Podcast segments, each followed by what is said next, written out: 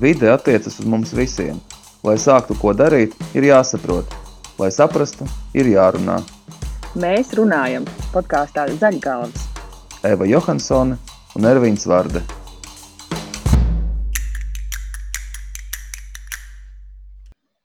Sveiki! Jūs klausāties Zaļgalvie podkāstu, ko vada Eva Johansone un es Ervīns Vārde. Un šodien pie mums ciemos ir biologs Uģis Piterāns.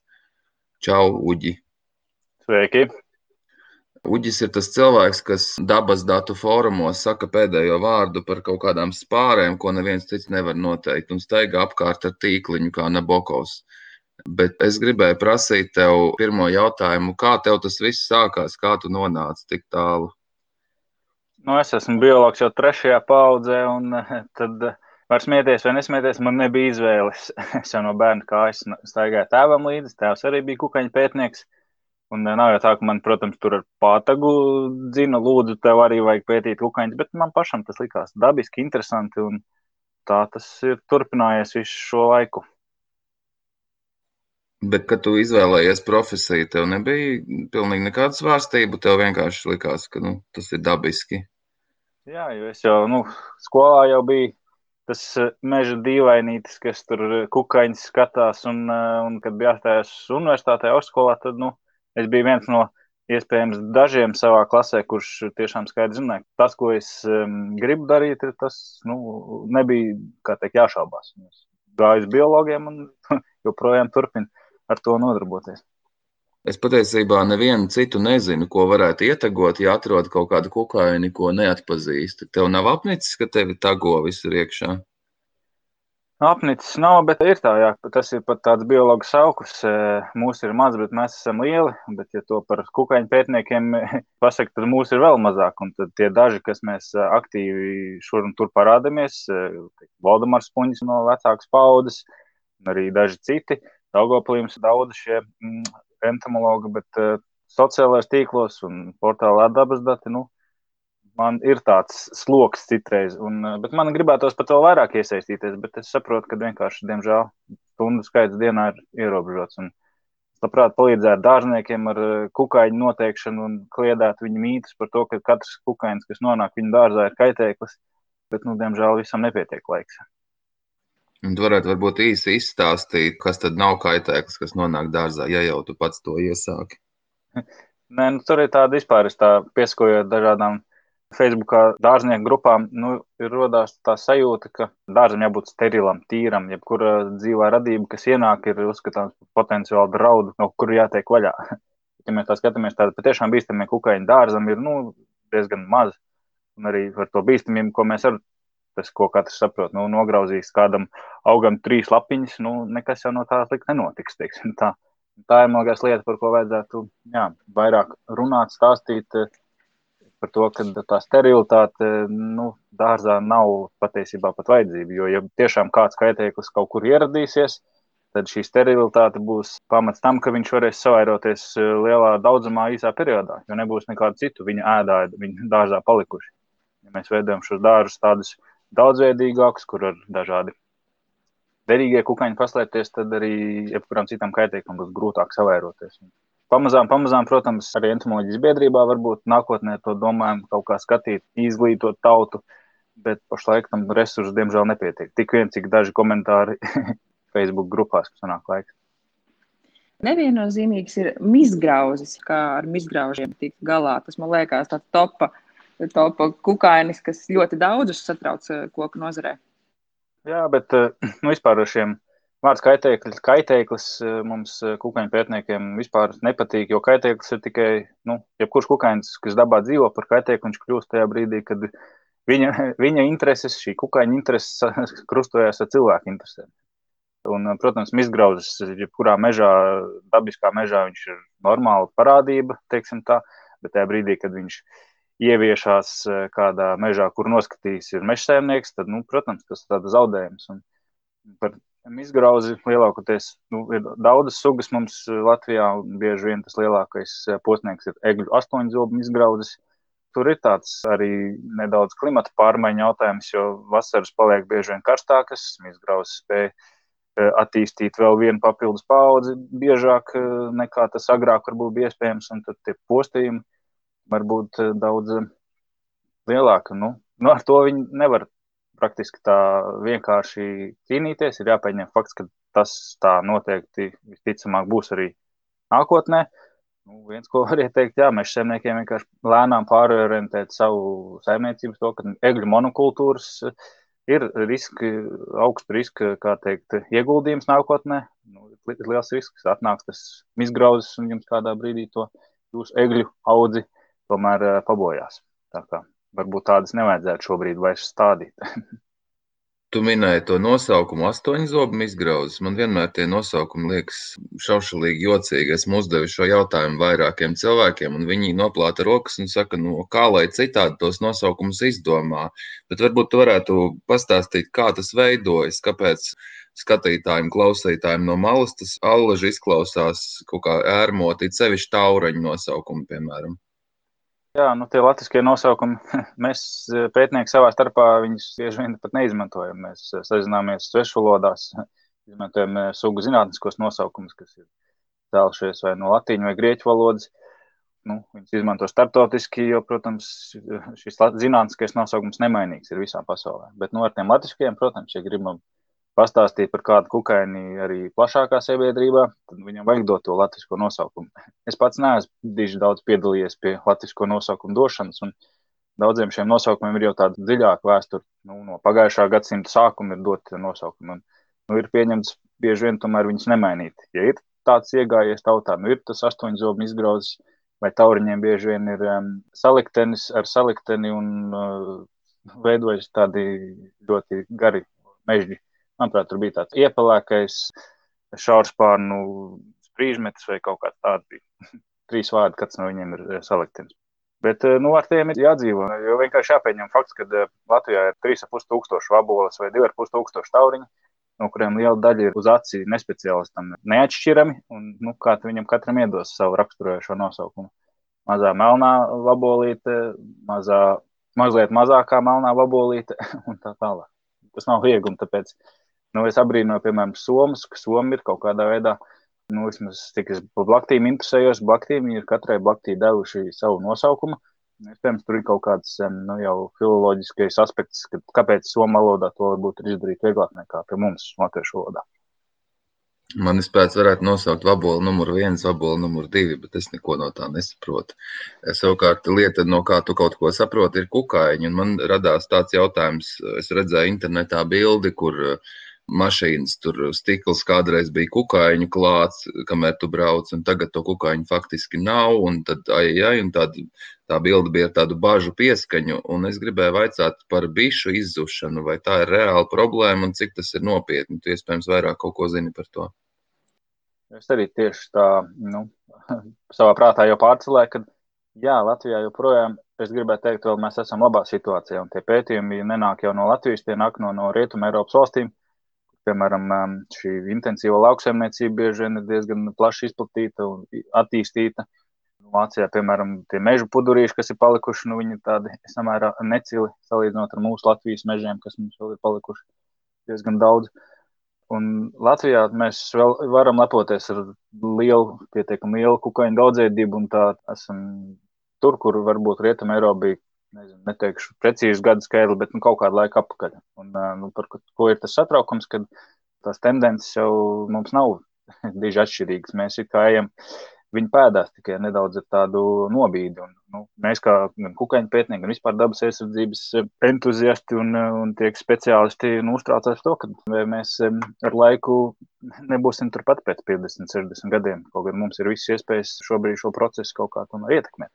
Bet, ja par bitēm runā, tad ir interesanti, ka uh, vispār jau bites Latvijā, tā, nu, iedomājas bite, tā ir medus, medus ja mājas bite, kas uh, mums dzīvo tropos, kā no cilvēku viedokļa viens no derīgākajiem kukaiņiem, bet ir uh, ļoti daudz citu bišu un bišveidīgo kukaiņu sugas. Latvijā vairāk kā 300 šādas ir.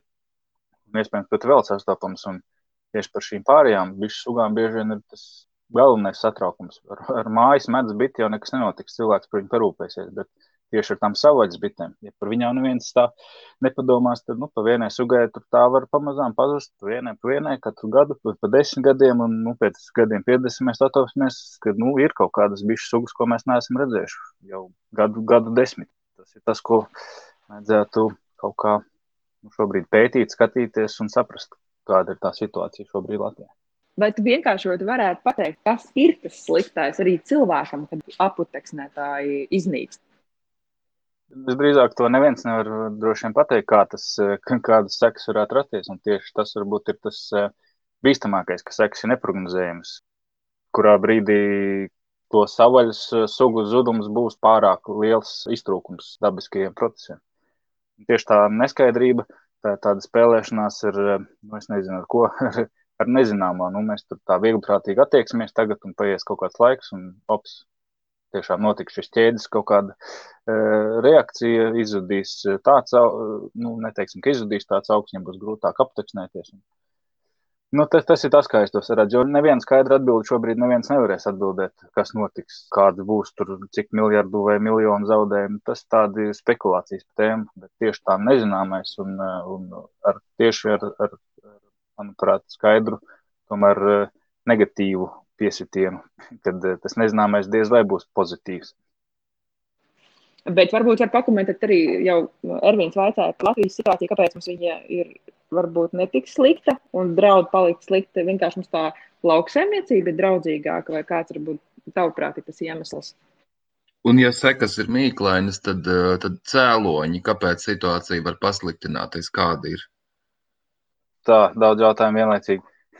Nu, par to, kāpēc situācija Latvijā ir eh, varbūt labāka. Jo, kā jau minēju, tātad, eh, nu, mēs ejam nopakaļ tajā Eiropas. Vēl pirms gadiem 30 katram otram latvietim mājās, nu, gluži mājās, vai kādam radniekam bija govs eh, un tāda mazā saimniecībiņa ar, ar dažām vistām, dažām govīm, kuras ganījās, un tajās pļaviņās dzīvoja viss kaut kas, arī kukaiņi, protams. Un tagad reti kuram ir mājās maza sava govs, Vairāk ir vai nu mums ir lielās saimniecības, vai arī nu, nav vispār netiek turēts. Nu, ja šīs pļaviņas atkal negana, tad viņas aizaug, vai vienkārši, ja viņas neaizaug, tad viņas ieko par kaut kādu nu, tīrumu vai par uh, rapšu lauku. Tas ir viens no momentiem, kad nu, mēs uh, esam tajā procesā, kad sekojam tam Eiropas soļiem. Nu, tas, kā es to redzu. Ja mēs varbūt vairāk atgrieztos pie šīm naturālās saimniecības, nu, tas varbūt noteikti palīdzētu ar dabai. Bet, nu, protams, tas droši vien mūsdienās grūti izdarāms.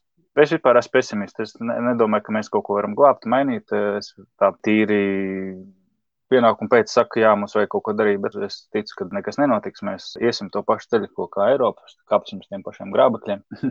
Tur es neesmu optimists. Man patīk, ka mēs tev visu laiku piespiežam pie sienas kaut kādā ziņā ar tiem jautājumiem tiešiem. Bet es gribēju pajautāt divas lietas. Viens ir tas, ka pēdējā laikā ir kļuvusi populāri atstāt šos zāles gabaliņus, nenopļautās. Mums arī bija raidījumā Valdemārs Spunģis to minēja, ka ir svarīgi, ka ir kaut kādas vietas, kur atstājam tos zālienus. Arī manā ģimenē mēs to bišķiņu darām. Tas ir viens, un otrs ir redz, tās urbānās bites un vēlme visādi tos kukaiņus arī pilsētās iedzīvināt, un tagad uz dēlas teātra jumta un vēl visu kaut kur citur. Kā tev šķiet, vai šīs iniciatīvas ir nu, vērtīgas, ne tikai izglītojošā, bet arī praktiskā ziņā? Jā, noteikti tajā brīdī, kad ārpus pilsētām ir apšu lauki un uh, nekas cits, tad tajā brīdī pilsētas arī var kļūt par ļoti nozīmīgu tādu glābiņu daudzām kukaiņu sugām, tajā skaitā dažādām bitēm. Nu, nerunāsim par, par mājas medus biti, bet arī citādām bitēm. Bija kaut kur pētījums uh, vienā Vācijas pilsētiņā, kaut kur, kad pilsētiņas robežās bišu savaļas, bišu sugu daudzveidība bija daudz lielāka nekā tur dažus kilometrus ārpus pilsētas, kur ir tikai lauksaimniecības zemes tas ir arī uh, veids, kā ja mēs šo pilsētu vidas zaļo zonu uzturam arī daudzveidīgi, lai nav šie sterilie mauriņi tikai. Visur obligāti jābūt nobļotam līdz 3 centimetriem, jāpļauj četras uh, nedēļā. Nu, vienalga, cik bieži mums te apsaimniekot, izdomāt tos termiņus nospraust, kas vienkārši nav vajadzīgs. Bieži vien tas varbūt liekas resursu izlietojums, nu, pēc tam uh, pļāvējiem jāiet sešos no rīta ar trimeru pļaut, ja var atļaut vienkārši varbūt uh, paaugt, pat, nu, ja ne visur, tad nu, kaut kādiem pleķīšiem paaugt vairāk, jo tas būs kukaiņiem labi. Un, nu, par tām mērķiem, protams, tas ir viens no argumentiem, jā, un tur man vērts sāks dzīvot, un viss kaut kas cits. Nu, jā, iespējams, sāks, bet Latvijā ērts ir arī dabas sastāvdaļa. Un kā man bieži vien patīk salīdzināt, kad, nu, ja jau Austrālijā cilvēks pēc sadzīvot ar indīgām čūskām, indīgām vardēm un sazina kādiem vēl tur lopiem, kas grib apēst un nodarīt pāri, nu, Latvijā mums varbūt tikai ar ērcēm jāsadzīvo. Nu, nav mums tāda bīstamība tik liela. Domāju, ka mēs to varam arī diezgan labi izdarīt. Galvenais ir uh, attiekties nedaudz tā ar cieņu pret šīm radībām, bet to ir iespējams izdarīt. Bet Austrālijas indīgās vārdas es gribētu oponēt. Nevienam negrib nodarīt skādi. Ērtis arī jau negrib pēc būtības nodarīt skādus. Viņi grib tikai paēst. Tas, ka viņām tur tādas slimības līdzi nāk, nu tas nu, jau nav paši kā pie tā vainīgs. Bet uh, fotogrāfs Andris Eglīts kādreiz uz jautājumu, ko viņš nesaprot dabas norisēs vai ko viņš gribētu pamainīt, viņš paprasīja priekš kam ērces. Tev no, ir atbilduši šo jautājumu? Droši vien, nu nevis droši vien, bet viņas arī ir piedalās kopējā barības ķēdē. Varbūt nav tāda konkrēta specifiskie ērču ēdāji, kas ir specializējušies no tikai ērts ēst. Bet kā jau mazie, mazie bezmugurkalnieciņi, nu, ir citi zvēri, zvēri, kas viņus ēd. Un, un, un, nu, jā, tāda droši vien ir tā viņa loma. Būt kaut kādam mazam, mazam zobratiņam kopējā sistēmā. Iespējams, varbūt arī tās slimības ir viens no veidiem, kā ierobežot kaut kādas populācijas, nu, ko viņi pārnēsā. Jo nu, ne jau tikai cilvēkam kaitīgas uh, slimības viņi pārnēsā. Bija pētījums, kad ērču neatceros sugu, kuru bija gāja runa, bet uh, viņu kuģi ir neskaitāmas visas šādas uh, baktērijas un vīrusu. Un cilvēkam lielākā daļa no tiem ir principā pilnībā nekaitīga. Klau, bet varbūt tas ir praktiski jautājums. Kas ir tavs veids, kā tu izvāries no ērcēm? Es esmu sapratis, ka man strādā tikai viens gaišs drēbes. Tas būs vien slikts, slikts piemērs, jo es no viņiem īpaši neizvairos. Bet nu, vispār pats galvenais, ko vajag darīt, ir, eh, tā, kad atgriežamies mājās pēc pastaigas, vai nu, vienalga, ja mēs ejam uz vairākām dienām pastaigās, pārgājienos, tad vakarā, kad ir, esam kaut kādā teltī, vienkārši sevi jāpārbauda. Sevi, savus kolēģus, kaimiņus, eh, vienalga, ar ko jūs kopā tur pārvietojaties manuprāt, daudzi cilvēki nemaz savā dzīvē nezina, ka viņiem ērts bijusi piesūkusies. Un, piemēram, ja runā par laimes slimību, es domāju, ka laimes slimība Latvijā ir izplatīta nedaudz biežāk, kā varbūt viņi atklāja. Jo nu, daudz sūdzās par nogurumu, vēl nezinu kādām sāpēm, locītavās un sliktu pašsajūtu. Jo es pilnībā zinu, ka eh, ir cilvēki, kas varbūt ērts vispār nezina, kā izskatās. Viņš iet mežā, viņš atnāk mājās, Viņš kaut ko pēc tam pakasās, kaut ko nu, tur jāmet roci, ko nezinu. Bet tā īstenībā ir bijusi ērts. Vienkārši vajag to turēt prātā, atcerēties. Eh, Nevelti mums tomēr eh, vēl ir saglabājušās, nezinu, kurā gadā tās zīmes bija liktas, uzmanība ērtas, man liekas, dažas diezgan senas, vai tik ne vēl no padomu laikiem. Ir vienkārši jāatcerās. Izvairīties, ja mēs ejam tiešām garā zālē, nu, nevar izvairīties. Viņi pieķersies jums pie apģērba drēbēm, un jautājums vienkārši jā, tik ātri jūs viņu pamanāt. Ja jūs pamanāt trešajā dienā pēc pastaigas, nu, tas nav pārāk labi. Ja jūs pamanāt tajā pašā vakarā, nu, tad bija tā vispārīga. Jo es pats esmu arī slimojis visu, ko var izslimot rēču slimībām saistīts. Tā kā nu, es laikam neesmu tāds labs paraugs no tā, kā no tā izvairīties. Man nesanā, nav sanācis izvairīties. Bet tu saki, ka tu esi pesimists, vai tu novēro arī kaut kādas pozitīvas tendences sakarā ar, nezinu, attieksmes maiņa pret dabas aizsardzību, vai es nezinu, atkritumi mežā, kaut kas ir labs, ko tu novēro? Lokāli tādā un individuāli cilvēku līmenī, protams, bet tā lielos vilcienos, tādā vispārīgos, pat ja mēs skatāmies ne tikai Latviju, bet vispār pasauli kopumā, nu, tur, tur jau ir vilciens aizgājis, kā teikt, manuprāt, nu, ja mēs tur skatāmies, palasam par Brazīlijas lietus mežiem un par arī Dienvidaustrumāzijas, par salām, nu, tur viss nav, es, es Tāpēc bieži vien izvēlos varbūt par to tik daudz neinteresēties, dodos dabā, pētu kukaiņus, fotografēju, un jo mazāk šādas varbūt negatīvas domas, jo varbūt saglabā šajā savā iedomu burbulī, ka viss varbūt ir tomēr kārtībā. nu, kas tu par pesimistu tad? Nu, godīgi sakot, jā. Nu, Latvijas apstākļos zinu, ka manai dzīvē pietiks daba. Nu, kas būtu pēc tam, to, to neviens Varbūt tu vari izstāstīt kaut kādas pāris jaunas lietas, ko tu pēdējā laikā esi uzzinājis par dabu vai par kaut kādiem konkrētiem kukaiņiem. Es nezinu, man vienmēr patīk kaut kādi jocīgi fakti vai, vai kaut kāda tāda it kā bezjēdzīga informācija šķietam. Man pašam personīgi vispār interesē, esmu arī sugu mednieks, teiksim tā. lielākoties bieži vien tas atklājums, o, oh, šādu sugu arī Latvijā sastopam. ne tik daudz un, un tādas uh, dzīves. Bet, uh, jo, piemēram, šodien arī nu, tas var būt mazāk saistīts, bet to es zinu, ka šādu sugu Latvijā sastopam. Platā aerobola īpaši aizsargājuma suga, bet atradīsim tādā nu, nosacīti nelielā dīķītī. Likās, no, kā tā šāda, šāda īpaši aizsargājuma suga dzīvo tādā necilā vietā. Bet, bet nocīm redzot, tās nu, dīķītes ir ar kaut ko, ko es ar aci neredzu, ir piemērots šai sugai un nedzīvo viņu katrā vietā.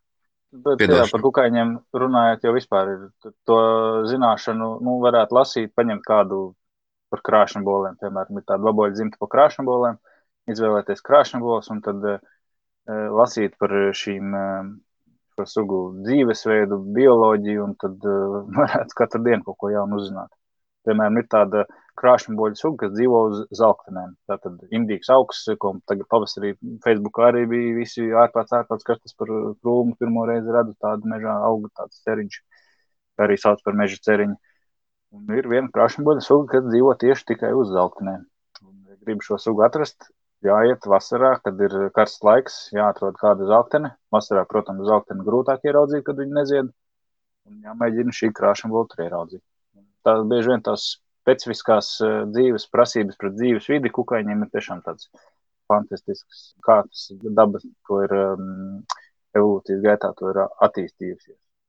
Es atkal nekad nevarēju saprast to sacensību uz sugu skaita. Tas pats attiecas uz putnu uzskaiti vai pamanīšanu. Kā tu to vari skaidrot? Kāpēc tas ir vajadzīgs un vai ir vispār tas maratona efekts? Tas jau katram individuāli ko katrs, eh, kā katrs gūst baudu no šī dabas vērošanas procesa.